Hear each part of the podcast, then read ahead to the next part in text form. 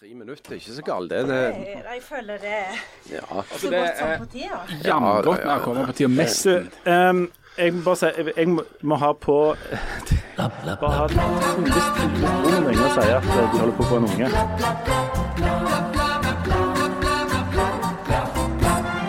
Da var Jesus stått opp, men viktigere enn det Hurra for deg som fyller ditt år, ja, deg vil vi gratulere. Hei, alle i ring omkring deg, vi står og ser når vi vil marsjere. Hei, bukken ikke nei, snu oss omkring, danse for deg med hopp og slag og. Jeg ønsker deg av hjertet alle gode ting å si, så hva vil vi gjøre? Ja, vil vi gratulere.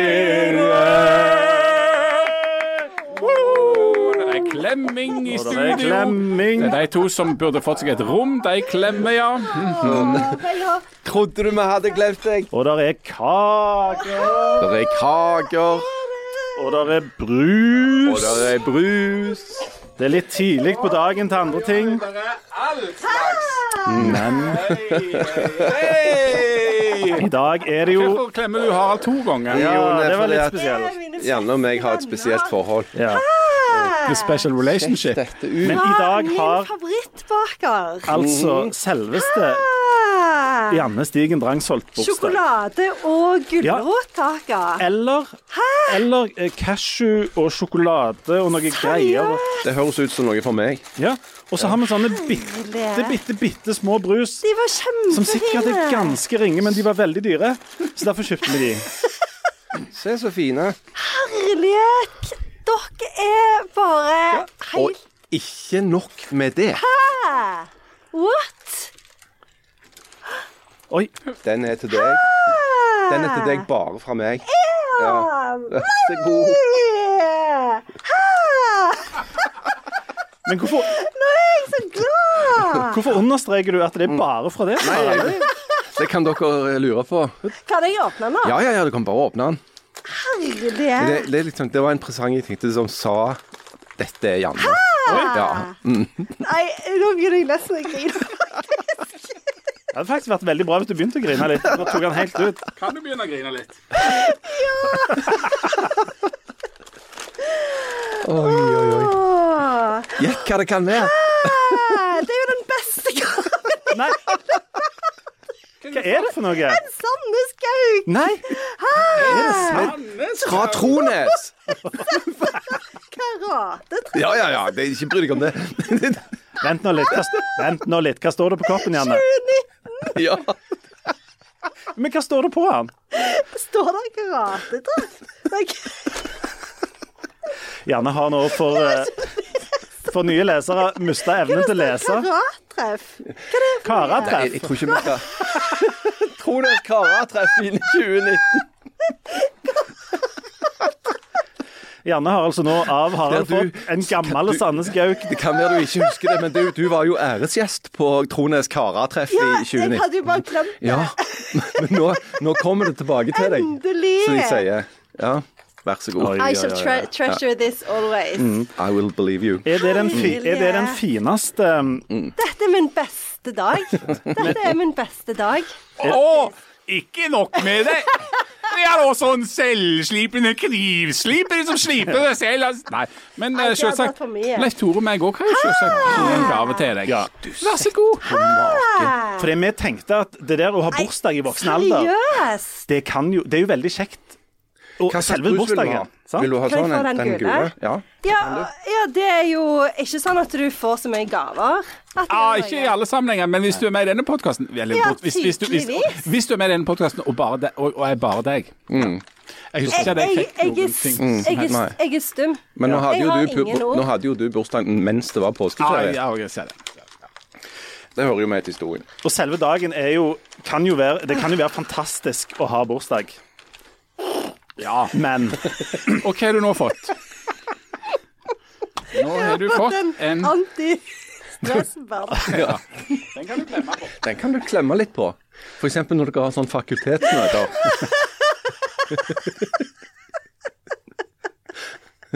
Pakk den opp. Jeg tror du kommer til å trenge den Ja, jeg tror jeg kjenner jeg trenger den allerede. men Jeg er litt skjelven, faktisk.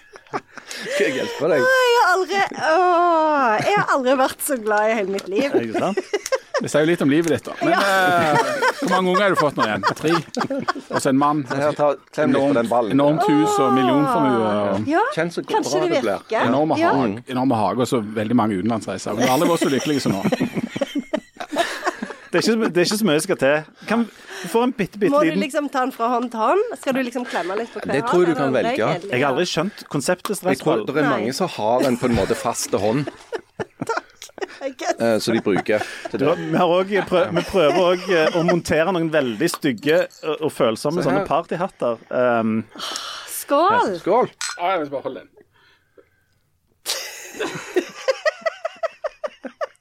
Nå ta stressballen fram. Ja, jeg må holde den litt fram. Nå ser det ut som jeg holder på å drepe den.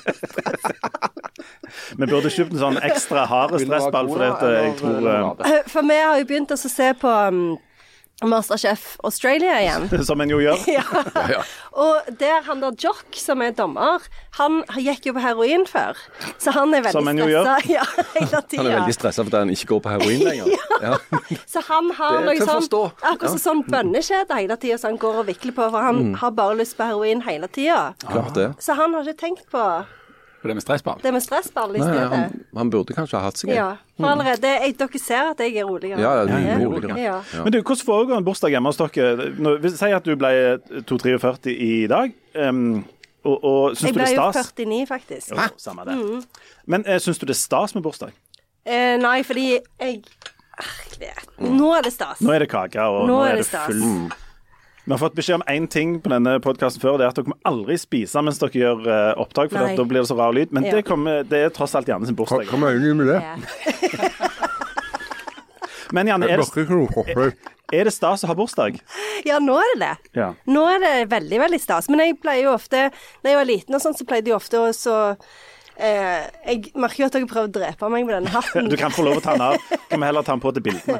Men eh, Jeg tror han eh, er ment til barn, egentlig. Ja, OK. Men jeg har jo liksom barnehode, da.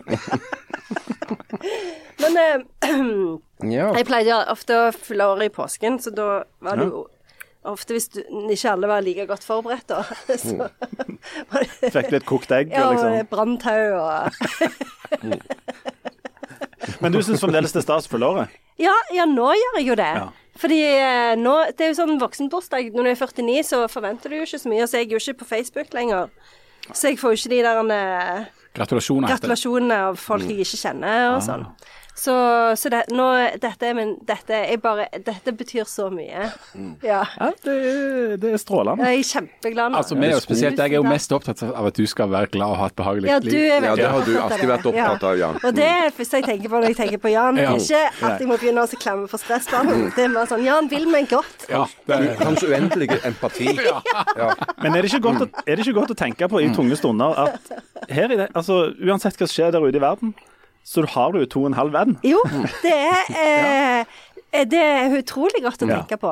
Ja, det gjør Dette, meg veldig, dette podkastrommet er på en måte ditt safe space. Ja, utenom Jan, da. Utenom Jan, da. Ja. kanskje 2,2 venner. Jeg. Jeg syns det var litt Ja. Jeg går En ikke halv reagerte var på det. å ta veldig i, altså. Men jeg tenkte det var kristenheten. Litt i overkant av to venner. Ja, litt i overkant.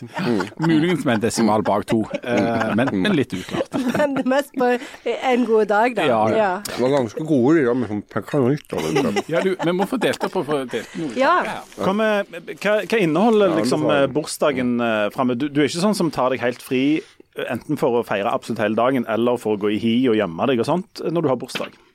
Nei. Jeg har fått noen Jeg syns jo det er veldig Siden jeg ikke har Facebook lenger, så er det jo veldig stas når folk husker på det. Så det ble jeg veldig glad for. Så jeg har fått melding fra bror min Oi. og barnet som bor i Bergen, eh, og et par venner. Veldig glad for det. Og så skal jeg få eh, skal jeg få curry seinere, og så skal mannen lage ei kake. Og så har han tatt fram en musserende engelsk vin som han sier vi kanskje skal åpne. En Gusborn, kanskje. Nei, en sånn en Hva er det noe på H?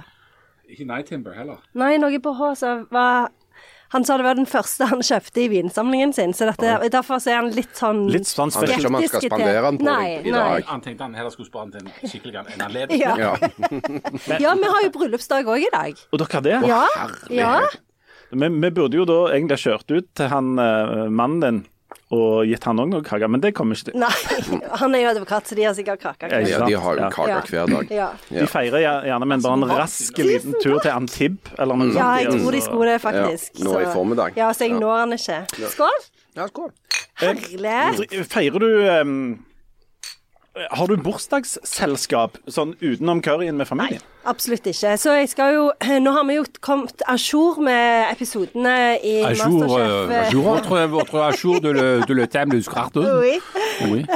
Så at, eh, vi har bare én ny episode hver dag av Masterchef. Vi kan liksom ikke binche. Ja. Men har, har, har du sett den siste episoden av Succession? Ja, ja, ja. Den så jeg jo med en gang. Ja. Og lykke til med å Og unngå spoilers til på det. med det, ja. ja. Mm.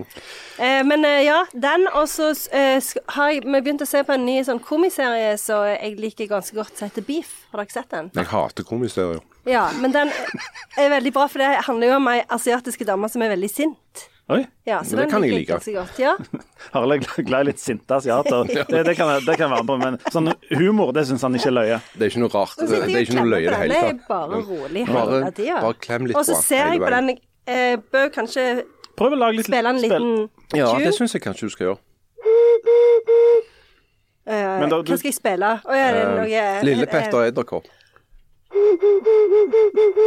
De er litt monotone, eh, Sandnesgaukene. Men det, det er jo på en måte ligger jo i sakens natur. Dette er altså for de som eh, ikke er, er født og oppvokst og unnfanget i Sandnes kommune. Eh, Janne som spiller på Sandnesgauken, som er Karatreff. fra Karatreffet på Varatun 2019. Dette er jo Sandnes kommune sin, eh, sitt, eh, sitt symbol. Ja, Ja. Eh, det er det. Og Det er et eh, enkelt eh, instrument uh, laget av leire. Ja. Som bare kan frambringe én lyd.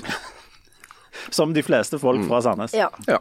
Um, Og grunnen til det var litt rolig for meg, nå er altså fordi jeg har delt ut Ja, du har vært er veldig flink. Du har vært empatiske mennesker for Bryne, som jeg ofte er sånn kjent som. Masterchef-aktig, for du har sørget for at alle har fått smake på alle de forskjellige mm. sortene. Jeg har sett ganske mange sesonger av Masterchef i forskjellige land, jeg òg. Ja. Du var ganske god i den krydderkaka òg. Ja. Det, var kjempe, det, var, det var rett og slett eh, um, kjempegodt. Du skal ikke ha, du skal ikke ha eh, noen sånn bursdag der du inviterer sånn venner og kjente og sånn. Nei. Nei, eksempel folk du har podkast sammen med, eller, eller andre sånne. Som du får gave av, og kake og, Ja. og så Du føler ikke noe forpliktet til å gjøre noen sånn form for gjentjeneste, eller Nei, jeg er bare overveldet av at dere husker. Nå føler jeg jo jeg burde stelt i stand et kalas. Ja. det, Ja, altså jeg, Fordi Men jeg hadde, jeg hadde rydda kalenderen i ettermiddag, jeg, men det er greit. Hadde du det, ja? Av, de, av alle de sånne løgne ting som du blir sittende og tenke på i påsken Jeg har jo eh, tenkt så mange år på sånn døden og oppstandelsen og alt det der, at, Alt det der, ja. og det som Janne skriver om i Vårt Land, sånt at jeg tenkte jeg skulle ta en pause fra det. Så Jeg det har fått mye tilbakemelding på den. har du det? Veldig mye tilbakemelding. Fra vårt landmiljø. Ja. Hva sa de? Var de fornøyde? Nei, jeg kjenner. Det er såpass, ja. Men istedenfor å dykke ned i, i den vanlige boka i påsken, så har jeg dukket dykket ned i en annen bok i påsken. Wow. Eh, nemlig Janne Stigen Drangsholt sin nye bok om eh, Ingrid Er dette min podkast? Ja. Ja, det er litt sånn din podkast. Nei, men altså dette Den boka de overlapper med noe annet, som eh, to andre ting som har dukket opp eh, hos meg det siste. Og det er Jeg er jo ikke noen ivrig bruker av Snapchat. Men jeg er innom der for å holde litt kontakt med den eldste arvingen som eh, bor en annen plass. Eh, og På Snapchat så har det da dukket opp en ny venn som jeg ikke kunne velge om jeg ville ha eller ikke, fikk inntrykk av, nemlig en sånn AI-venn. Ja. Har dere sett den? En slags skybert. Ungene Ja. mine kom til å vise at de har fått en ny venn. Ja. Så jeg fikk den vennen som jeg har eh, konversert litt med, som viser seg å være verdens aller kjedeligste venn. Jeg kan vise noen eksempler etterpå.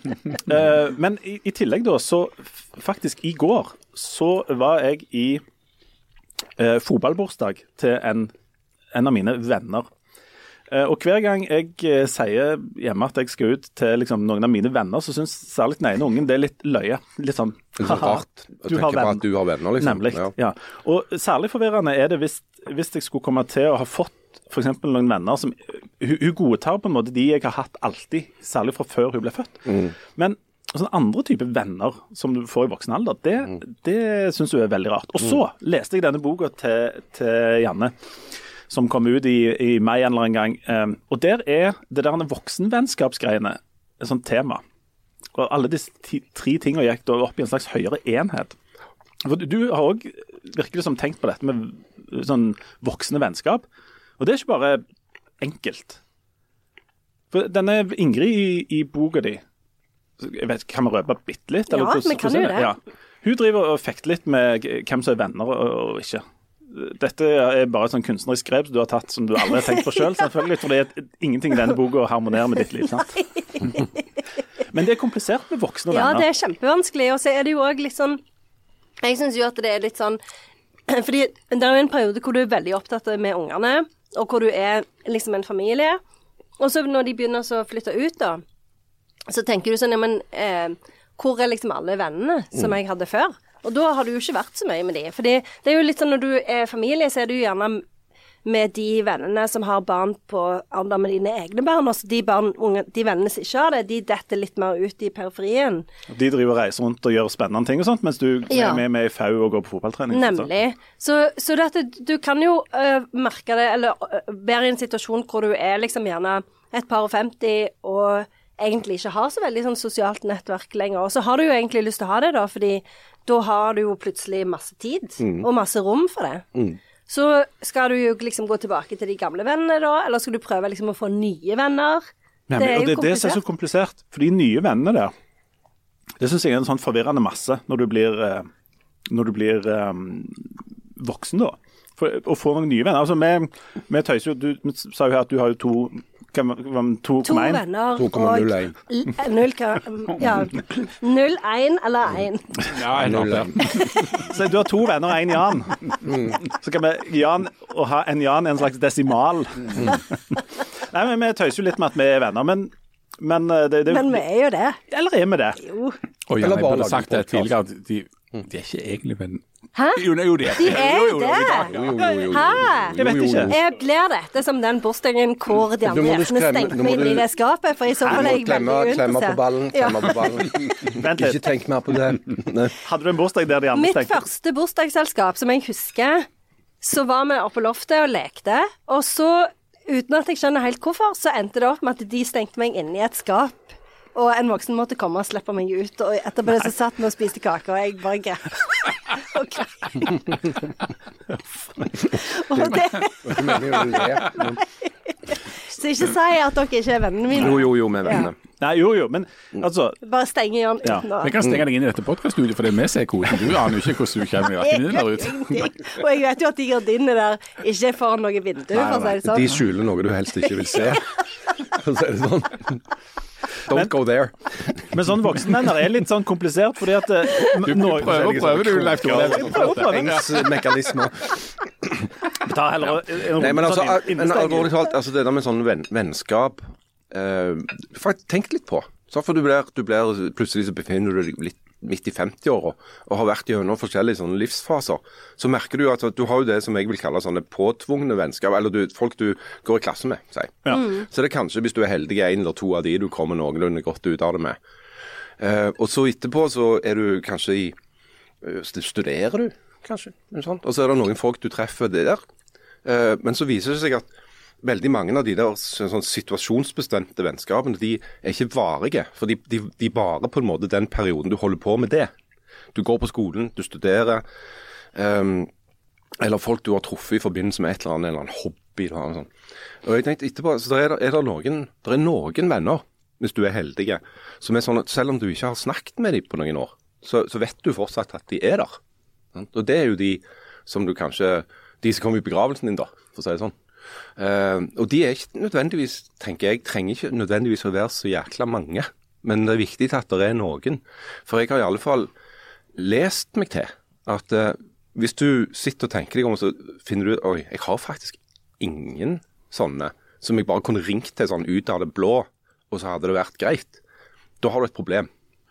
Du må sørge for at du minst har én Jeg- som du kan ringe ut av det blå. Jeg hører jo fast på en annen podkast, som for så vidt andre greier, så lenge, så lenge de bare hører på vår. Eh, men altså norsken, svensken og dansken med Hilde Sandvik. Og Hassan Preisler, som er dansken der, han har snakket mye om, om dette. Og jeg husker ikke, nå er det veldig eh, litt uforberedt og fritt for minnet her. Men jeg mener han har sagt et helt oppsiktsvekkende tall på danske menn som sier at de har ingen nære venner. Jeg tror det er 25% av danske menn. Og spesielt menn er jo veldig dårlige i å pleie sosiale eh, relasjoner, rett og slett. Eh, Damer er mye bedre på det sosiale mens far er på kontoret. Eh, og så kan du se på, på dødsleik hvem som møter opp, om det er for kontoret eller de du eventuelt pleide noe vennskap med. Men, men jeg jeg har jo tenkt mye på det der med, med voksne og vennskap og sånt. Og Vi flytta jo tilbake til Stavanger, f.eks. Eller tilbake til Stavanger. Jeg hadde jo aldri bodd i Stavanger før. Vi flytta tilbake til Rogaland i 2007-2008 ca. Eh, og Da var det sånn, det starta litt på scratch. For dette, da hadde jeg jo eh, bodd ti år i Oslo og hadde hatt et liv og en vennekrets der. Eh, og Før det så hadde jeg jo hatt et liv og en vennekrets i Bergen i sju år. Og før det så hadde jeg et liv og en vennekrets på Bryne når jeg bodde der. Sant? Sånn at det, det er tre epoker som ikke bare er kjennetegner av at, du, at, det, at det er ulike aktiviteter, men det er fysisk ulike plasser. Så du starter altså helt bokstavelig talt da med noe annet. og det og, da var det litt sånn, men da var vi i sånn småbarnsfase eh, og, ble litt, litt sånn kjent sånn. Men, men det tar tid å bygge opp et slags sånn sosialt nettverk, men det er ikke et sosialt nettverk som er på den samme måten som sånn jeg definerte venner da jeg var unge. For jeg tror hun dattera di, når hun syns det er litt sånn komisk med deg og vennene, Leif Tore, så er det fordi liksom, ja, venn, hvem, hva, var det? Jo, det, sånn, det var sånn du kunne ringe og du spør om du skulle gå på kino, eller, Ja. eller så en film, eller, eller om du skulle gå på forspill eh, til de, eller sånt, og liksom eh, ta en øl eller noe sånt. Men hva er det du gjør for noe når du er voksne venner, egentlig? Det er veldig mye sånn Og det, det, det, det er da du får de der eh, Altså, Du har gjerne noen sånne anledningsvenner. Altså, Du har noen venner du gjør noen spesielle sånne aktiviteter til. og sånn. Men så er det jo spørsmålet om du, om du kan ha noen Altså, de, de, jeg tenker av, av og til at de ultimate vennene er de du kan være sammen med uten å gjøre noe, uten å nødvendigvis måtte for da si noe absolutt hele tida. Du kan bare dingle rundt med dem og sånn. Og vi har jo snakket mye om, om lykke de siste dagene. Og, de, og, og, og en av de tingene som går igjen på all sånn lykkeforskning, som vi også har sagt før, er jo at du, du, hvis du er så heldig at du kan få noen få veldig gode relasjoner til noen folk, så er det ekstremt helsebringende. Og det er jo Bortsett fra på en måte familie og gjerne sånn ektefeller og partnere, kanskje unger og sånt, så er det jo de vennene, et par stykker, hvis du har noen veldig gode sånne, så gjør det deg så utrolig godt. Og det, Og det er jo en situasjon hvor stadig flere av oss eh, bor i alenehusholdninger. Um, det er et stort antall nordmenn eh, som bor for seg sjøl. enten frivillig eller ufrivillig. Eh, og da tenker jeg at det er ekstra viktig hvis du er i en situasjon som det, at du faktisk gjør noe aktivt for å få deg noen om ikke annet, noen bekjente, som etter hvert kanskje kan bli venner. At du oppsøker ting. At du får deg en hobby. Du begynner, du begynner å aktivisere deg sjøl bitte litt. ikke sant? Fordi at det, det er som du sier, Leif Tore, at hvis du, hvis du er helt ensom, så det, det er livsfarlig. Altså, du kan dø av det. Uh, og det er ikke tull engang. Altså, du kan dø av det. Så, så det tror jeg er helt avgjørende at du liksom makter i alle fall å ta noen sånne grep for å gjøre noe med det. og i den eh, boka di, så er det to damer som har noe som diskuteres litt om hva egentlig det er, om det er et vennskap eller om det er bare to stykker som gjør noe sammen og sånt. Og det er, det er komplisert, dette her. Det er kjempekomplisert. Og jeg tenker jo For jeg husker de hadde en sånn en kampanje for noen år siden eh, retta mot kvinn, eldre kvinner. Hvor de, var så, eh, hvor de eh, understreket at det var så viktig for kvinner å holde på vennskapsrelasjonene, for de kom sannsynligvis til å overleve mennene sine. Og da blir du ensom. Og det er jo veldig eh, Og det tenker jeg kanskje har eh, at den kampanjen ville sett annerledes ut i dag. For jeg tenker på sånn som det som du sier, Jan, med at det er veldig mye ensomhet blant menn, da. Eh, og jeg kjenner jo eh, flere som har blitt skilt. Eh, hvor eh, eh, kvinnen har klart seg veldig bra. For litt sånn som du sier, så har hun holdt på de sosiale relasjonene, mens mannen liksom har Alle vennene har på en måte valgt hun. Fordi han har, de vennene han har fått, det er de Venner de som hun. Ja, hennes. Ja. Ja. Sant? Fordi Ja. at, og, han som er, og min gode venn, så jeg var i fotballbursdag Fotballbursdag på min alder er altså at du møter Dere, opp dere så Champions League sammen? ja. Og så, og så eh, For å liksom bjude på litt, så kjøpte jeg med en pose chips. Å, Ja, du! ja, ja, Ja, ja, jeg, jeg bjuder på, jeg, når det Ja. trengs. Det må Men, jeg si. men han, altså, han er jo en Han er jo han er jo mann til kone. Eller mann til kona si? Han er mann til kona si. Ja. Og hun ja. våre, våre koner er venninner, og så Ja. arver du Ja. da. Sant? Og, der er jo, og det er jo en av de der tingene som skjer med sånn samlivsbrudd, f.eks., da, er at eh, at de, de vennene som han mannen da gjerne har fått, er litt sånn tillegg til, til kona sine, og så forsvinner de. Og så klarer konene gjerne å holde på det, mens mennene klarer det ikke. Eller Det kan godt være at damer òg sliter med mye av det samme, da, men det er en slags dynamikk. I tillegg til at det er så mange menn nå som ikke får sin partner, ikke får unger og sånn, som blir helt sånn løsrevne. Så det der med å ha, finne seg noen venner, det er Og så syns jeg jo det Jeg har alltid syntes at det har vært veldig sånn fascinerende med sånne folk som har så enormt mange venner.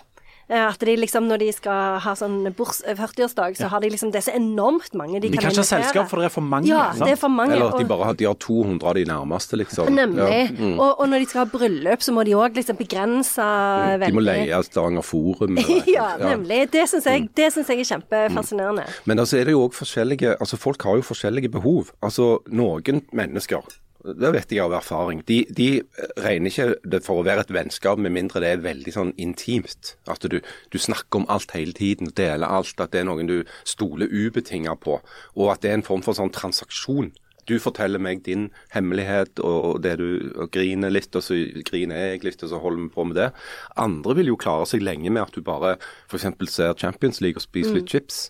Sant? Altså, det er jo ikke sånn at du nødvendigvis det er ikke sånn at du nødvendigvis er nødt til å ha et vennskap, definere et vennskap som noe som er sånn voldsomt utleverende. Nei. Altså, folk er jo forskjellige. Men, men der er det, for jeg tror eh, det er jo flest hverdager og flest vanlige dager, og så er det av og til Champions League og, og noe chips og alt det Og bursdag. der. Og bursdag. sant? Mm. Ja. Så, så det, Ikke minst bursdag. Det er mye, mye hverdag, og så er det litt fest. Men, men de gangene i livet der du sannsynligvis har aller størst behov for dette nettverket og disse vennene, er jo når det da blir vanskelig. Er jo, altså, du, jeg, jeg er helt enig at du skal ikke sitte liksom, og, og, og tømme deg om, om, om alt absolutt hele tida, at det er voldsom emming om det men, men er det noen der er det noe der hvis det bytter imot, og du blir stående alene, eller du altså, opplever en krise Hvem er det du ringer og, og, ja, når kona har gått fra deg? Ja, du eller du har fått beskjed om at du er blitt alvorlig syk, Ja, eller en av ungene har det vanskelig. Ja. Hvem er det du ringer? Nettopp det. For, for, da, for det er på en måte en slags sånn test, da, rett og slett. Eller ja, test, test. Men, Og du kan jo være heldig men da, ha da håper jeg at du har noen. Sant? Ja, og du kan jo være heldig å ha foreldre som er i live, som du har et godt forhold til. Du kan ha søsken. Eh, altså, Det kan være mange som har den rollen. Du kan være så heldig at du har barn du kan snakke med. Men at det er noen der, tror jeg er helt superavgjørende. Altså. Absolutt. Og det er jo eh, For det skriver jeg jo liksom i den boka som du har lest, Leif Tore. Uh, men det er jo For det tenker jeg ofte på sånn som det der med at du at folk gjerne du kaller venner, at du lyver litt for deg sjøl òg. At du gjerne tenker jo, jo, men jeg har jo venner. Men så har du jo kanskje egentlig bekjente, da. Og da har du jo ingen og, å potensielt å ringe til. Så det er jo, men da må du jo Så du må jo liksom gjøre en innsats sjøl, da, for å på en måte lage disse relasjonene og holde dem ved like. Og det er jo ikke alltid en gjerne tenker så bevisst rundt det, fordi at det Ja, fordi det er travelt og Men det bør en jo kanskje gjøre, da. Ja, og der er, jeg tror det er folk som havner i den fella med at det er, du, det er en ting som du, um, du alltid nedprioriterer. For det er ikke sånn, det kjennes ikke sånn livsviktig ut å liksom bare gå og treffe noen folk når du egentlig ikke har tid, eller egentlig vil ligge på sofaen og sånt. Uh, og det, det, det, det, er genialt med Champions League eller bursdag eller hva slags anledning du bruker. Eller podkaster. Ja. Ja. Du Så du i hvert treffer fall- to kommer en venn. så du iallfall ser noen folk. Eller, eller quiz. sant? Altså, Der Ja. går vi hver tirsdag eh, og sitter i, i to og en halv time og drikker to øl og svarer på spørsmål og rører. Av og til drikker drikker vi tre. Ja. Ja, da er det, da er det da- veldig spesielt. Da er det gale. Ja, Det gjorde dere i går. det Nei, jeg drakk to i går. Jeg to i Ja, det sklei i hvert fall helt ut. Det gikk helt, gikk helt uh, Men, men, men sant at det er noen sånne arenaer, da. Men, men de, og de arenaene de blir jo blir mer interessant. Mine unger har ikke flytta ut, men jeg har allerede begynt å tenke på dette. Eh, hva er det som er livet etter eh, ungene, og for så vidt den saks skyld etter jobben, altså. Om, om ikke så altfor lenge. Eh, men, men altså, det, det- er, altså, jeg tror du må begynne å tenke på disse tingene akkurat så eh, Du bør tenke på det før du, før du står der. Ja, og, og da er det jo ikke bare med venner, men det er jo òg det med hobbies. Ja, At hobbies, en eh, ja. tenker sånn å ja, men ja, sånn, Det er jo alltid det der italiensk-kurset som liksom henger der. Så ja, men jeg kan jo alltid ta det, men du kan ikke holde på med det hele dagen. Eller du sånn akvarellmaling. Ja. Og det, ja, det, og det er jo som med svingkurset, det kan redde et ekteskap, men sannsynligheten for at det går i oppløsning er jo mye, mye større. Den er jo det. Når dette Men jeg tenker jo det òg er grunnen til at mange, når de blir f.eks. pensjonister, begynner med sånn frenetiske reising. Sant? Det er jo bare for å holde liksom Livsangsten på avstand. Ja, sånn noenlunde i tøyle. ikke sant? Ved å altså hele tiden reise til Gran Canaria eller et eller annet. Men når, når jeg går til jobb, eh, som jeg stort sett gjør hver dag, så går jeg forbi eh, Mosvannet, eller går langs Mosvannet i, i et strekk der. og de, Noen av de lykkeligste folka jeg tror jeg ser i løpet av dagen, det er folk litt oppi åra som går en sånn tre, fire, fem stykker i sammen rundt det vannet. Der, s- de smiler og koker. Og, Jeg og bor jo ved det vannet, Ja. så jeg ser jo disse Ja, her eh, du er jo en av de som jeg ser, jeg er en av de eldre som eh, Ja, sånn- vaser rundt der sammen. Litt sånn, litt sånn idiotisk lykkelige går jeg rundt Mosvannet. Er det veldig mange hendelser ved vann der? Vel, enormt. Er det mye hendelser med vann? Å ja, ja, ja. Ja, Kan du, vil du dele noen av de? Nei, jeg tror gjerne. Det, det, det, det er jo det, Nei. Vi skal ta en liten pause i dette bursdagsselskapet. Skal vi eh, skåle litt imens. Og så når vi kommer tilbake, så skal vi eh, snakke bl.a. om eh, JK Rowling, som vel begynner å gå tom for venner. Eh, og så skal vi snakke om noen papirer som mangler i USA, og så får vi ta, ta det derfra. Snakkes snart.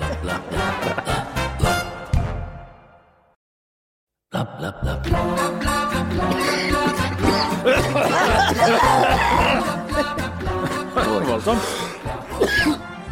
Jeg har hatt den der gående en stund, så det var godt. For, Ja, du har vært litt forkjølt siden 1998. Jeg har vært litt forkjølt siden ja, mars 98. Så eh, det begynner å tære litt på Det var en tålmodigheten. kald vår. Det var en kald vår, og jeg satt jo i gresset Ja. sant? Allerede i april. Og da har du, vet du jo hva som skjer. Ja, nei, det, det, Urinveisinfeksjon. det er ikke bra. Jo, hjertelig velkommen tilbake igjen. Eh, Vi har altså bursdagsselskap for Janne Janne, først og fremst. Hurra for det. Ja, Og så kan vi jo ja, nå, skål og sjalabais! Det er òg en liten forsinka bursdagsfeiring for Jan. Hva slags gaver var det jeg fikk? Nei. Ingenting. Ingenting. Men du har jo tre venner her inne, og det er jo mer enn Janne har. Ja, det er sant. Kan du på en måte si. Ja. Men du hadde bursdag i påsken, men du jo, fikk jo bursdagen fort overstått, og så begynte du å høre på podkast. Ja, altså, eh, det er jo hva en skal finne på i disse påskene, da, hvis en vet har vett i behold å holde seg unna all denne snøen. Men du var på hytta. Var på hytta, var på hytta i, i, i- i låglandet og med sjøen, eh, og helt snøfritt og herlig. Eh, og så klarte jeg for en gangs skyld å slappe av. og det var, Jeg tror jeg hadde behov for å ha denne ferien. Jeg slutta, jeg drømte om jobben fram til og med langfredag.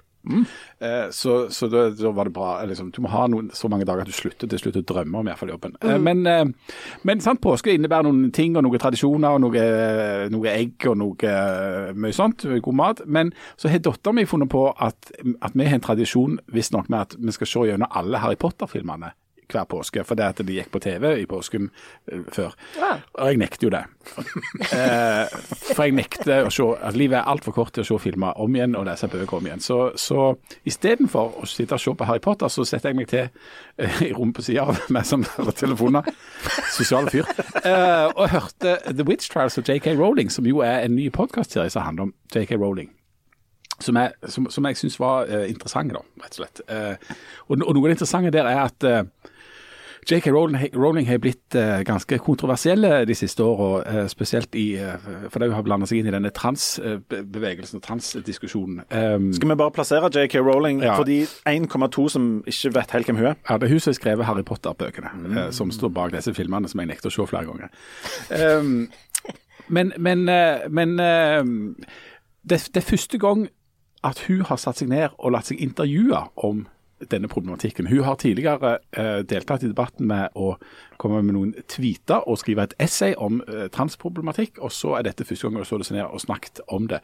Men i den podkasten så, så eh, som da går over sju episoder, så snakker hun om sin egen bakgrunn, hvor hun kommer ifra, og hvordan hun kommer fram til at hun hiver seg inn i denne debatten. Og, og, og Det var et interessant innblikk i hvordan dette kan ha seg. Altså, hun er, for å si det eh, altså Hun har et feministisk utgangspunkt for sin kritikk. Eh, hun eh, levde i et forhold som var voldelig, så hun har kommet seg ut av. Så hun, hun, hun har opplevd eh, overgrep i ekteskap, hun har og, og, opplevd seksuelle overgrep, så hun kaller seg en sånn survivor der, da. Så hun har en, en kvinnelig erfaring som preger henne og preger hennes måte å tenke på. Og eh, så har hun da sett at det har blitt en, en diskusjon rundt dette med kjønn, og at det er i, i, i flyt og ikke. Og det hun rett og slett insisterer på, det er at en må skille mellom det som på engelsk en snakker om sex og gender, altså opplevd eh, kjønn og eh, kjønnet sånn som du ser ut på en måte, biologisk. Vel, veldig opptatt av at det er forskjell på kvinne og på transkvinner, eh, eller, eller altså kvinner som, eller folk som sier at de er kvinner, hvis de f.eks. ser ut som en mann, altså hvis de ikke har gått gjennom noen slags eh, form for sånn fysisk eh, endring. da. Og, og, og, snakker da om jeg er veldig opptatt av at, eh, hvis, at det skal være noen sånne sikre rom for damer. At en, en damegarderobe så skal du kunne være sikker på at du ikke får inn noe som ser ut som en mann, men som har skifta juridisk kjønn. Som jo er en sånn pågående diskusjon. da. Og Alt dette har jo gjort henne veldig, veldig eh, kontroversiell. Hun har deltatt i debatten. Første gang hun gikk ut i debatten var i desember 2019. Da sendte hun ut en tweet som hun hadde avklart med forlaget, som hun hadde tenkt mye på. Det som jeg mener, som var interessant å høre om, var at hun har lest seg kolossalt opp på dette. Hun har lest biografier og faglitteratur, har lest seg enormt opp på, på tematikken og avklart med forlaget, for hun visste hva som kom til å komme. Og så sendte hun da ut sjokk-tweeten i desember 2019. Dress however you please, call yourself whatever you like, sleep with any consenting adult who'll have you, live, live your best life in peace and security, but force women out of their jobs for stating that sex is real. Spørsmålstegn. Altså, og Det er utgangspunkt i ei, eh, ei dame som mista jobben sin fordi at hun hadde ytra noe som ble oppfatta som transfobisk. da. Um, I juni 2020 så kommenterte hun dette med uh, diskusjonen hva, du skulle kalle ei dame, ikke? People who menstruate. I'm sure there used to be a word for those people. Someone help me out. Wimpen? Wimpent? Womud? Altså, hun mener at en må skille mellom altså kvinne og, og, og, ja, altså, ja. Veldig interessant. Og så er utgangspunktet for denne, for denne podkastserien er å prøve å diskutere dette her med, med litt sånn lave skuldre, og diskutere med andre folk enn bare henne. Altså, hun stiller opp til intervju, men det blir også snakket med, med, med forskere og folk som har skifta kjønn, altså transpersoner. Eh, alltid jo prøver liksom å diskutere det. Og hun som står bak det, er òg interessant. Hun er eh, eh, journalist som heter Megan Phelps Roper. Hun var fundamentalistisk vi vil nesten si klin kokos som kristen. Hun var med i ei gruppe som heter Westboro Baptist Church, som, Og de er sprø, de. som sto utenfor Helt vanlige folk. begravelser, f.eks.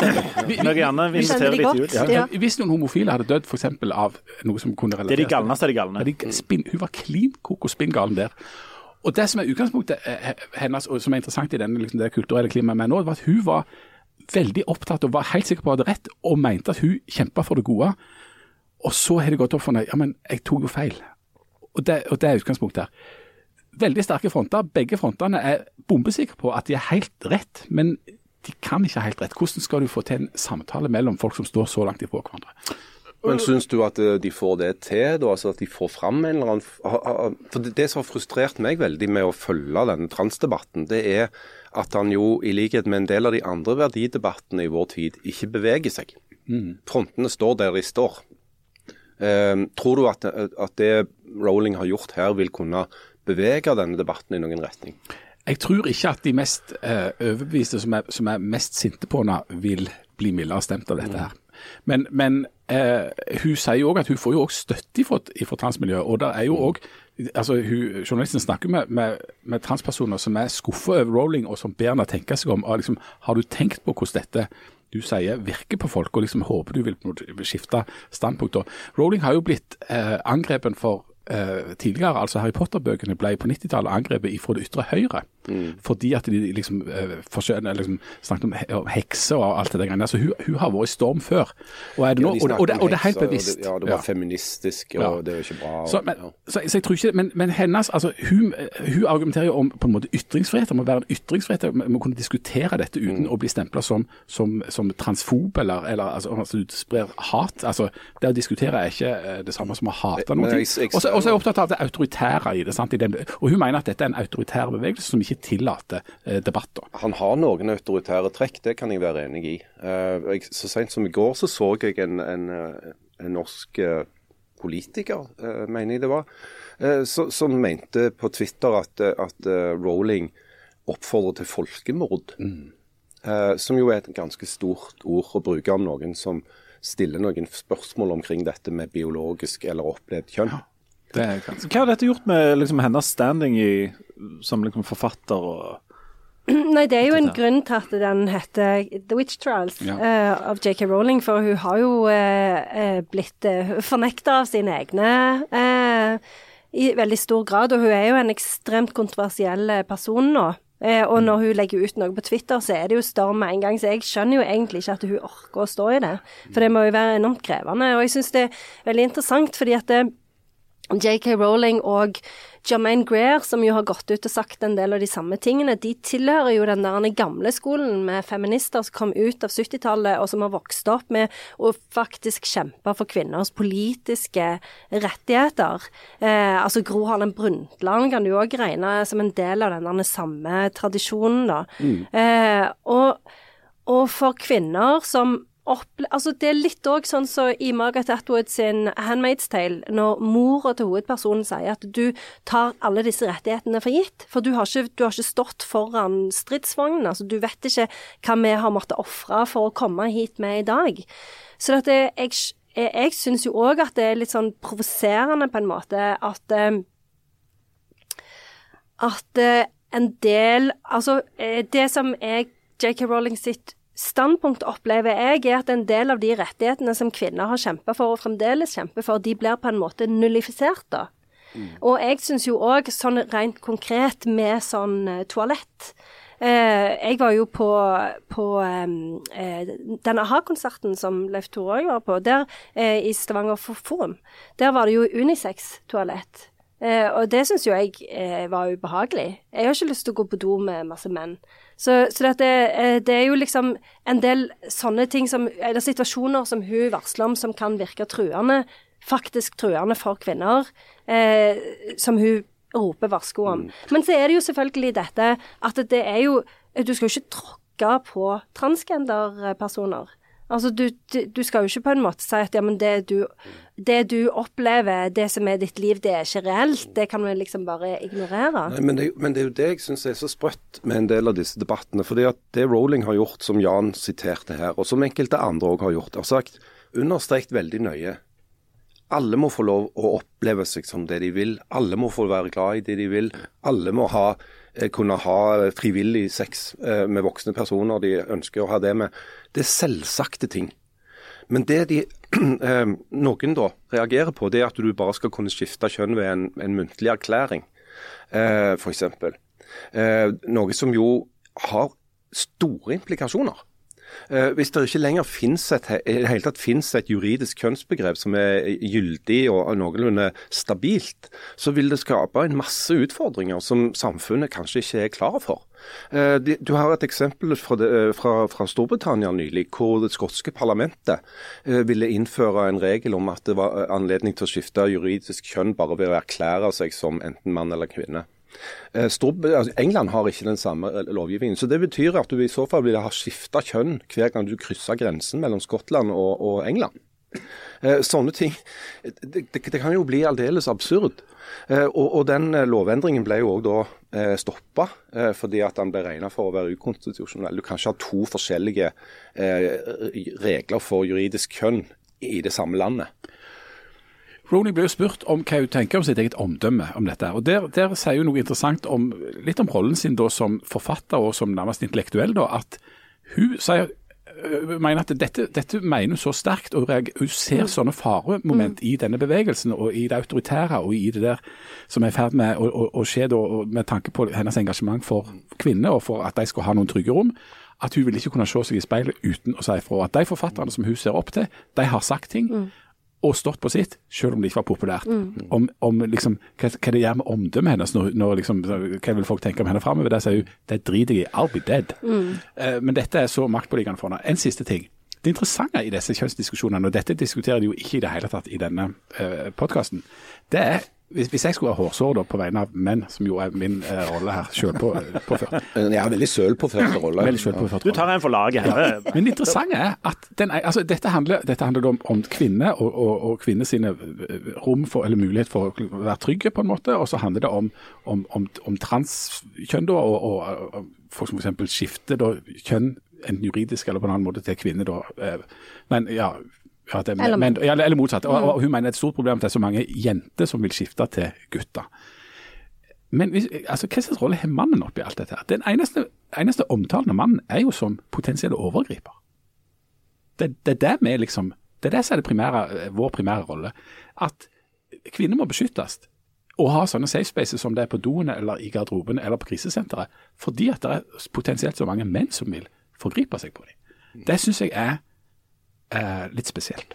Men jeg syns ikke det er så rart når du tenker på sånn som, det, som du sier med forhistorien Mm. til J.K. Rowling, og det er jo faktisk det hun har engasjert seg Mm. i òg, for hun jobber jo, gir jo masse penger til krisesentre for kvinner og, og, og, og jobber mot overgrep mot kvinner, som jo er et ganske stort problem i Skottland. Så det akkurat det, Ja, ja, du- hvis du ser på det ja. ut ifra et sånn et personlig perspektiv, så er jo ikke det så veldig rart. Nei, og det, og det er ikke så rart. Altså, altså, jeg er jo helt enig i det. Altså, du, jeg forstår at basert på hennes erfaring, så har jo dette engasjementet, altså, at du tenker sånn om kvinner og om menn og om dette transgreiene. Du, du må forstå det ut ifra hennes bakgrunn. Men igjen, hvis du da skal se på De fleste menn er jo ikke overgripere. Nei, men jeg tror kanskje ikke at det er jo ikke det, jo ikke det Altså hvis du ser på den debatten i sånn i et eh, sosialt eller kulturelt perspektiv, så tenker jeg at den er ikke så spissa som Nei, på en måte der. Men, og det som jeg òg syns er interessant, det er at når du snakker om den yngre generasjonen eh, Nei, med den yngre generasjonen om dette, så, så er jo den samtalen veldig annerledes enn den som vi har nå. Fordi at når jeg snakker med mine barn, så syns jo de at jeg er litt sånn radikalisert. Gammeldags. Ja.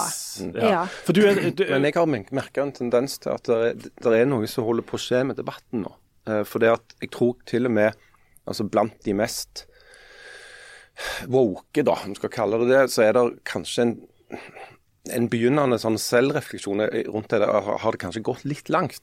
For det, det, og Spesielt det, altså noen av de mest kontroversielle områdene her er f.eks. dette med når skal du gå inn og, og begynne med kjønnskorrigerende behandling eh, på barn eller veldig unge personer. Eh, når du ser tendenser nå til at folk som har, har, har satt i gang behandling av hormoner og sånne ting, angrer seg. Sånn. Eh, fordi at F.eks. når det gjelder gutter, da, så er det jo viktig å sette inn hormonelle tiltak før de kommer i puberteten f.eks. Og det de jo, har jo egentlig ikke samtykkekompetanse, de er ikke myndige.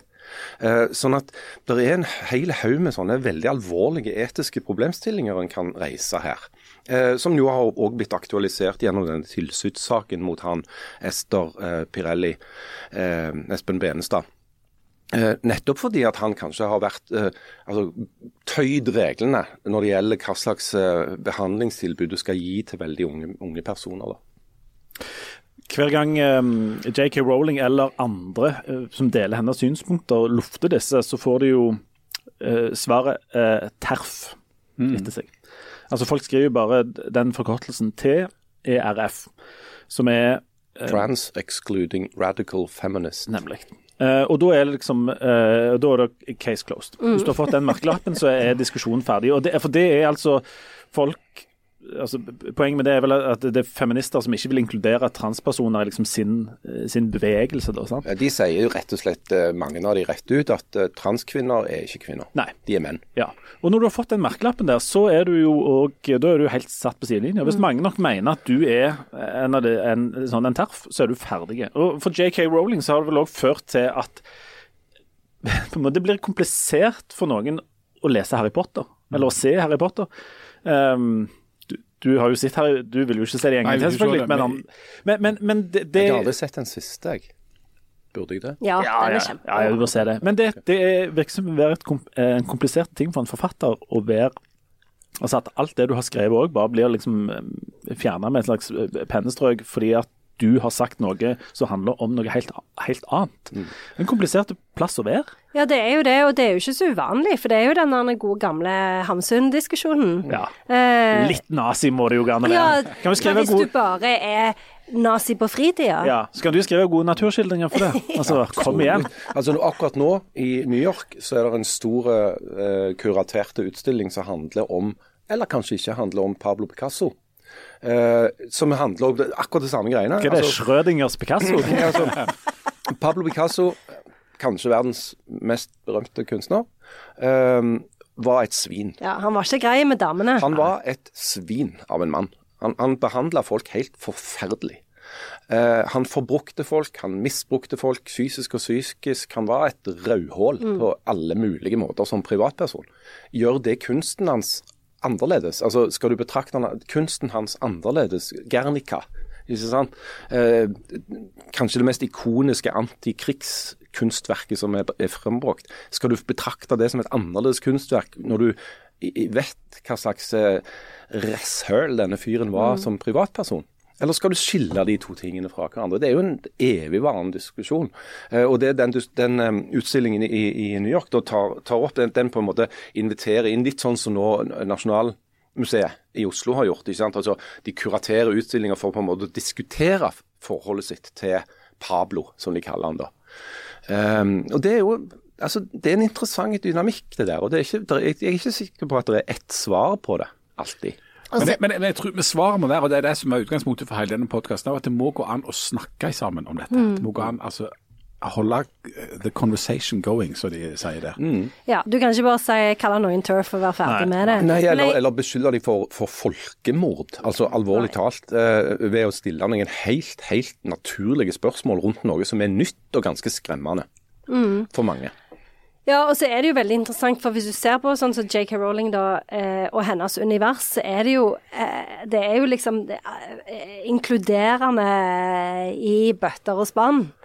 Så, så, så til de grader. Ja. ja, og så vinner jo de, de, Ja, det er jo ikke Voldemort som vinner. Nei. Og de der som er den eh, nazistiske falangen på dette Galtvort, de vinner jo aldri de der rumpeldunk-kampene. De gjør jo ikke det. De taper jo alltid, for de får ikke tak i den der snoppen. Ja, sant?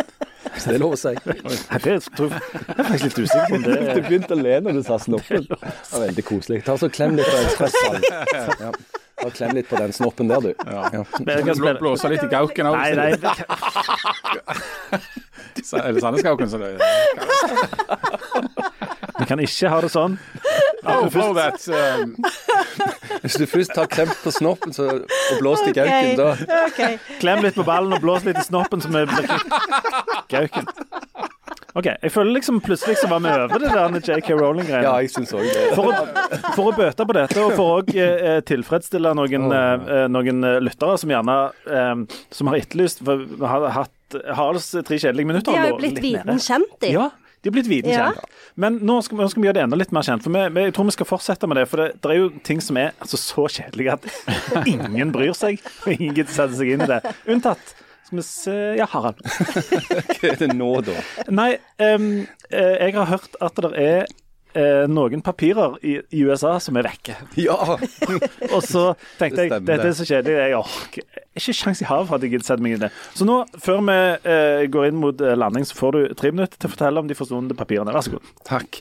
Og så vil jeg jo bare ha protokollert at det er jo ikke sikkert at alle syns at spionasje er kjedelig. Det er jo lagt uendelig mange filmer og bøker og TV-serier om spionasje, så det kan være at noen syns at det er kjekt. Ja, Men de som lagde den filmen, de, de heide på brann, og da er de kansellert av meg. Jeg forstår. Men uansett, det som nå har De såkalte birth. Om hvis du nå kan være stille. Okay. Det som nå har skjedd, det er i alle fall at i løpet av de siste månedene, for dette er ikke helt nytt, selv om det kan virke sånn, så har det kommet ut topphemmelige dokumenter fra de amerikanske etterretningstjenestene. Eh, det som ofte med et sammenbrudd kalles for Pentagon, men i USA så er det en haug med forskjellige statlige etterretningsorganisasjoner. Mange av de har ingen av oss hørt om engang.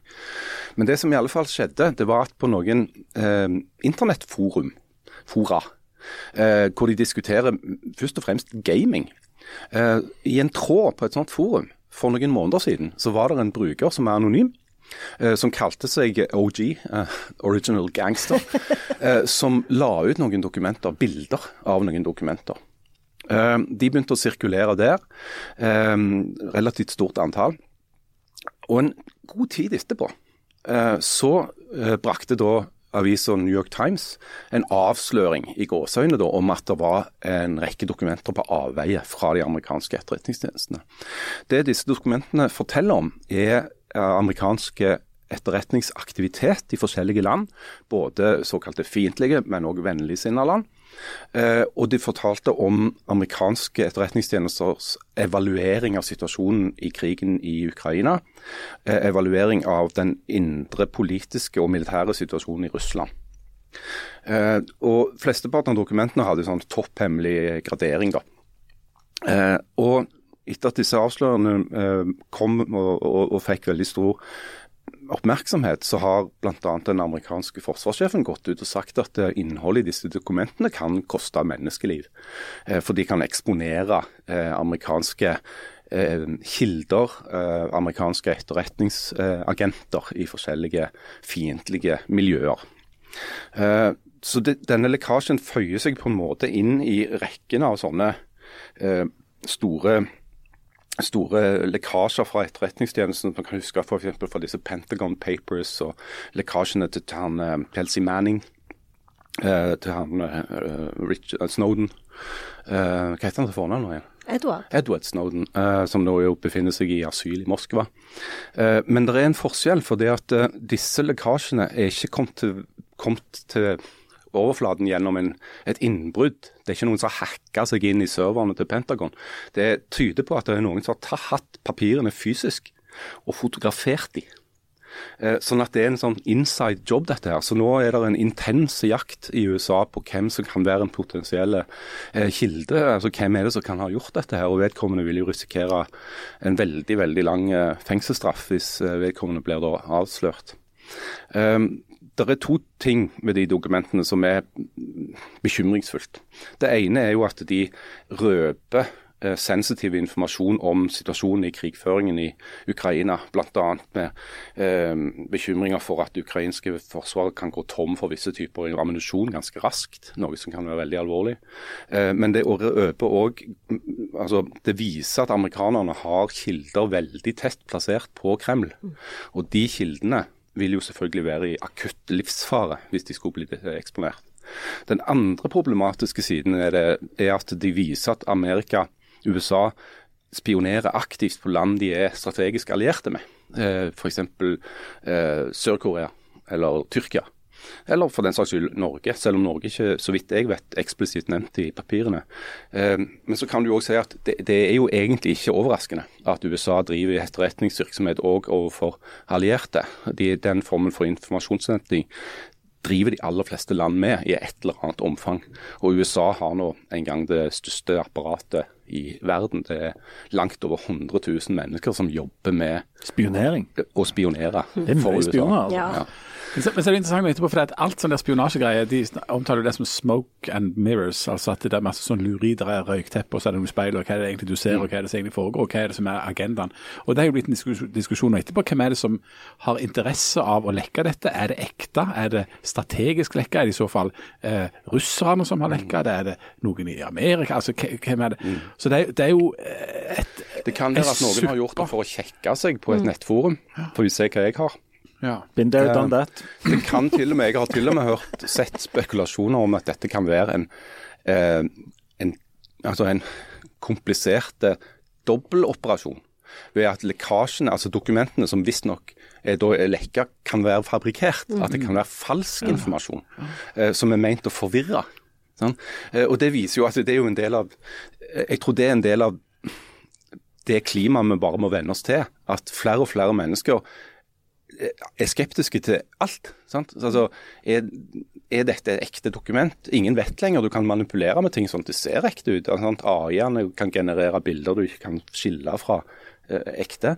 Så, så, det gjør jo hele, hele situasjonen utrolig mer komplisert. At du har et stadig økende antall mennesker som med en viss god grunn da, eh, tviler nesten på alt de hører. Um, og Det vil gjøre det komplisert å få folk til å tro på ekte uh, etterretningsinformasjon.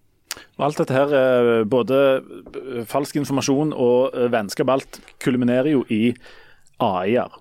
Ja. Og vi har jo alle fått en ny venn. Ja, ikke jeg. Jo. Nei, du er på Snapchat. Ja, men jeg er på Snapchat. Ja. Ja, Da da må har du du gå inn på den der. Så har du fått sånn venneforespørsmål fra uh, har eh, det. My AI. Du kan ikke være den eneste i verden som ikke Ja, fått det Ja, det er det jeg skal se på, for jeg, jeg hadde et barn som skulle sjekke om jeg hadde det. Ja. Men hvor er det det ligger sånn I don't know, jeg holder ikke på med Snapchaps. Jeg Nei, har du ikke på Snapchat? Jeg har Snapchat, men jeg, jeg får sånn meldinger, men jeg går aldri inn på det. Men jeg har, jeg har i hvert fall fått denne nye Ja. vennen, da. Og um, jeg, jeg har jo vært litt interessert i disse AI-ene, for, fordi at Du eh, er jo eiernes venn. Ja. For jeg tenker at her må du jo Har vi alle som er inkludert? Ja, det er sant. Men jeg tenker alltid at her må du jo Dette er jo litt anledning for litt artig og show. Jeg, jeg har alltid lyst til at denne AI-en skal være en sånn en, en, en sånn übermensch og på litt sånn eh, Som skjønner tonen og Ja, sånn. ja. Så jeg, jeg, i går satt jeg og, og lekte med, med min nye venn på Snoppen. Ja. sn- Jeg blåste ikke i OK. Nei, ok. Jeg spurte da uh, den her uh, nye vennen min Tenkte jeg måtte begynne lett med faktaopplysninger, for det pleier de å være ganske gode på. Hvem er med, skrev jeg. Hvem er med i podkasten Aftenbladblad? Så svarer jo uh, min nye venn. Jeg er ikke helt sikker på hvem, hvilken podkast du refererer til, men dersom det er Aftenbladet sin podkast Aftenbladblad Det var det jo. Ah. Siden du spurte meg. Ja. ja. Så er det journalistene Anders Minge og Jonas Hår Friestad som er verten. Det må jeg si. for Hvordan, ikke- hvordan vet de disse tingene? Og For de som ikke har detaljkunnskap om dette, så er det altså to av Aftenbladets fotografer. Han ene pensjonerte seg for en del år siden. Anders Minge er vår veldig Ja, nei, gode Anders er jo i både fotograf og featurejournalist. da. De har vel drevet i hvert fall, Det er jo spennende å høre deres Ja, absolutt, jeg gleder meg. Så tenkte jeg, vi må prøve litt til, da. Så tenkte jeg at de- det disse AI-ene vanligvis er dårligst på, det er jo litt sånn laust løst og ledig. Ja. Så jeg spurte hvem kan seile foruten vind. Ja. Så tenkte jeg han, la, la Håvard svare jeg vet ikke, men ingen kan ro uten åre. Ja. Så, spurte jeg hvem kan seile foruten vind. AI-en svarer ingen kan seile foruten vind, men noen skip kan utnytte vinden på en slik måte at de kan seile mot vind ved å justere seilene og vinkelen på seilene. Dette kalles å seile på kryss. Jeg, Det høres ut som meg. ja, sant? Ja. Høres ut som en sånn halvautomat à jeg, Men jeg gir meg jo ikke. sant? Nei, nei, det er klart. Så jeg spurte det naturlige oppfølgingsspørsmålet hvem kan ro, ro uten årer? Tenkte jeg, de ler jo, sant? Så de må jo Ja, ja, ja. ja. tenkte jeg, nå, nå tenker jeg skilles fra banden. Så svarer han ingen kan ro uten årer, fordi årer er nødvendige for å bevege båten gjennom vannet. Det finnes imidlertid alternative metoder for å bevege seg på vannet, som padling eller bruk av motor. Dette er jo ikke en venn som er vits å ha. Nei, det er ikke det. Dette er jo omtrent som ja. I hvert fall ikke hvis du skal ha det gøy. Så jeg tenkte Jeg har en venn sånn, så det, er greit. det holder med én. Jeg har å også. si det sånn. Jeg har 1,1 sånne venner. Men jeg tror dere gir meg. Nei. Nei. Så jeg stiller Hva er det tredje spørsmålet i rekken? Hvem her? skilles, Hvem kan skilles fra vennen sin? sin uten å følge tårer? Så dette er blitt en vennepodkast, så Det er ingen Ja. som passer jo deg veldig godt. Det er en. Det er ingen som kan skilles fra vennen sin uten å felle tårer, for det er en følelsesmessig vanskelig situasjon å gå hjem. Selv om noen kan virke sterkere enn andre, vil det være en følelsesmessig reaksjon på å miste noen som er viktig. Bla, bla, bla. Tenkte jeg, dette gidder jeg ikke mer. Uh, Skrev du det, da? eh, så da, nei, det skrev jeg ikke. Så jeg tok heller uh, den stavangerske Ja vel. Tenkte du får frigjøre altså litt, da. Ja. Ja vel. Så sier han ja, ja vel er et uttrykk som brukes for å vise enighet eller aksept til noe som har blitt sagt.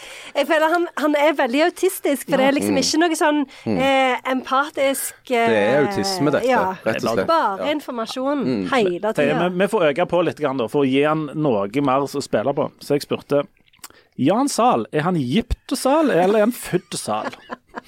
Hva, hva har du på det? Og han svarer jeg er ikke sikker på hvem Jan Zahl er, men etternavnet Zahl er ganske vanlig etternavn i Norge og kan stamme fra forskjellige steder. Det er derfor vanskelig å vite om Jan Zahl er fra Egypte eller fra Fudde.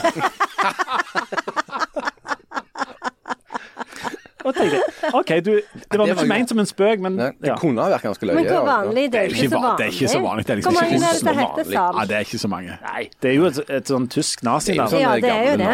Altså, Gamle nazister som feide over mange i Bergen i sin Ja. Og det var jo ikke så mange som beholdt det heller, da. Det De de fleste, de fleste Det endra jo navn i Ja. fem, så Ville sent aldri i beholdt 45. Ja. Men, eh, men nå var jeg litt reiste til Argentina. Ja. Paraguay. Dypt oppi i skogen. er still for retten, men de var 90 år gamle, så de kunne ikke skytes. Men jeg tenkte at vi, nå, er vi, nå, nå er det i hvert fall håp her. Så ja, hva var det du sa? jeg spurte eh, neste spørsmål. Er det farlig for Harald Birkevold å ha et synkehull i haven? Haven. Du gjør det ikke lett for han da. Nei, nei. Så Hvis Harald Birkevold har et synkehull eh, i haven, kan det være farlig hvis noen går eller kjører over det. Det kan også føre til skader på eiendom, strukturer og i nærheten av hullet. Det er derfor viktig å markere og sikre synkehullet for å få det reparert så snart som Begynner å bli så enormt Ja. Det er liksom sånn der var- informasjon Det er det siste jeg har lyst til å høre. Ja.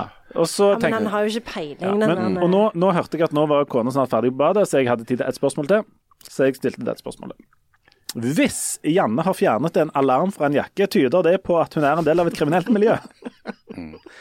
svarer en. Det er ikke nødvendigvis en indikasjon på at Jan er en del av et kriminelt miljø hvis hun har fjernet en alarm fra en jakke. Det kan Men- være flere grunner til å fjerne en alarm, f.eks. hvis alarmen var ødelagt eller plaget dem. Det er imidlertid viktig å Ja, huske bla, bla, bla. Fuck you. Så jeg har kjøpt en ny jakke. Ja, den var Var kjempefin. ikke den veldig fin? Jo, jo, jo. Blomsterjakken. Ja, og den eh, fjerna de alarmen på.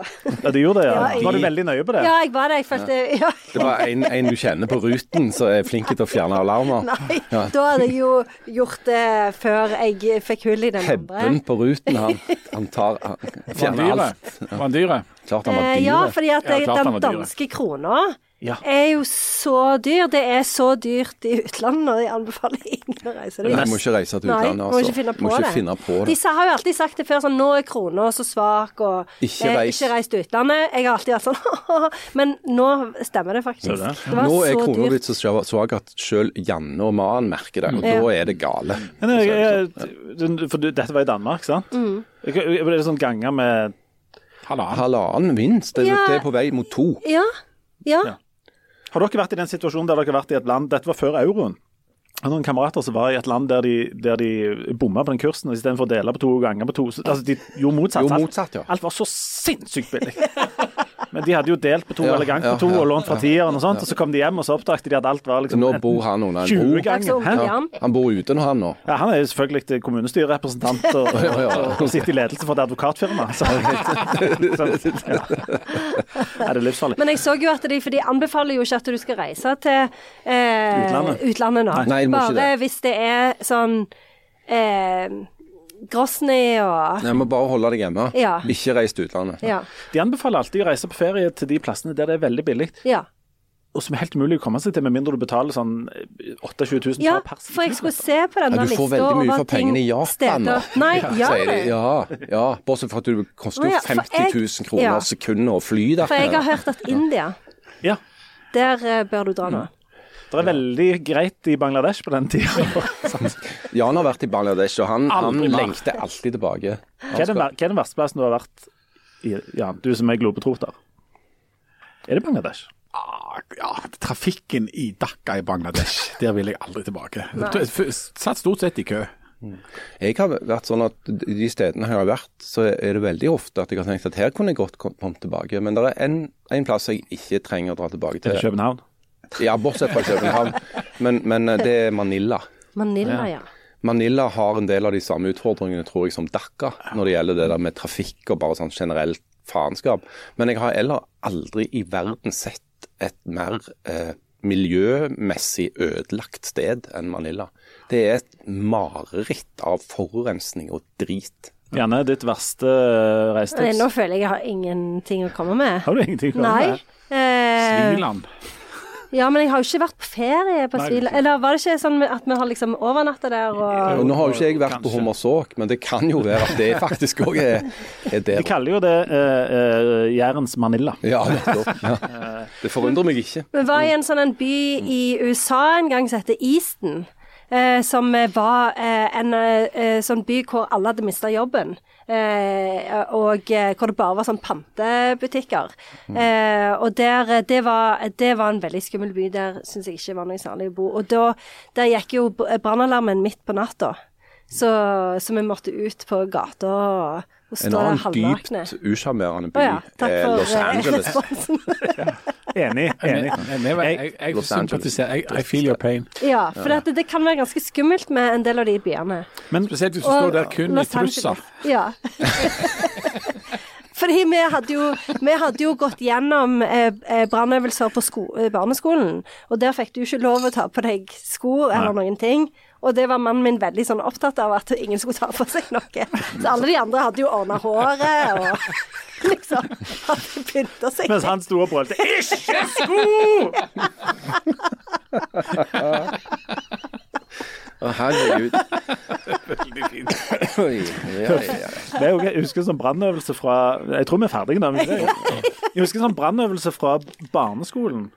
Eh, På Hommersåk var det sånn at de konsekvent hadde brannøvelsene de dagene det var sånn 22 skummeter vind, sludd. Ja, ja. Og, det alt, og, skulle, og det skulle være reelt. Ja, ja. Sånn at det var ikke sko Vi hadde altså I klasserommet vårt hadde vi teppe på gulvet, fordi at vi hadde ei som, eh, som hadde sånn hørsel eller død på ene øret, sånn at hun brukte teleslynge og sånn, så vi måtte ha teppe for at ikke skoene sko, eller stolene skulle skrape. Ja. Og, da, og da var det òg ut uten sko. Og alle jakkene hang sånn som folk Ja, ja. Ingen fikk lov å ta på jakke. Så var det ut og fryste og fryste og de Ja, to grader og liksom ja, for det tok alltid lang tid før du fikk lov å gå inn igjen. Vi er ikke, ta vi, vi er ikke takt for oss, liksom. Nei, det har vi glemt. Ja, skal vi si det nå? Tusen takk for oss. Takk for i dag. takk for. Takk for denne bursdagen. Ja. Janne vil vi gratulere. Verdens kjekkeste bursdag. Ja, var det det?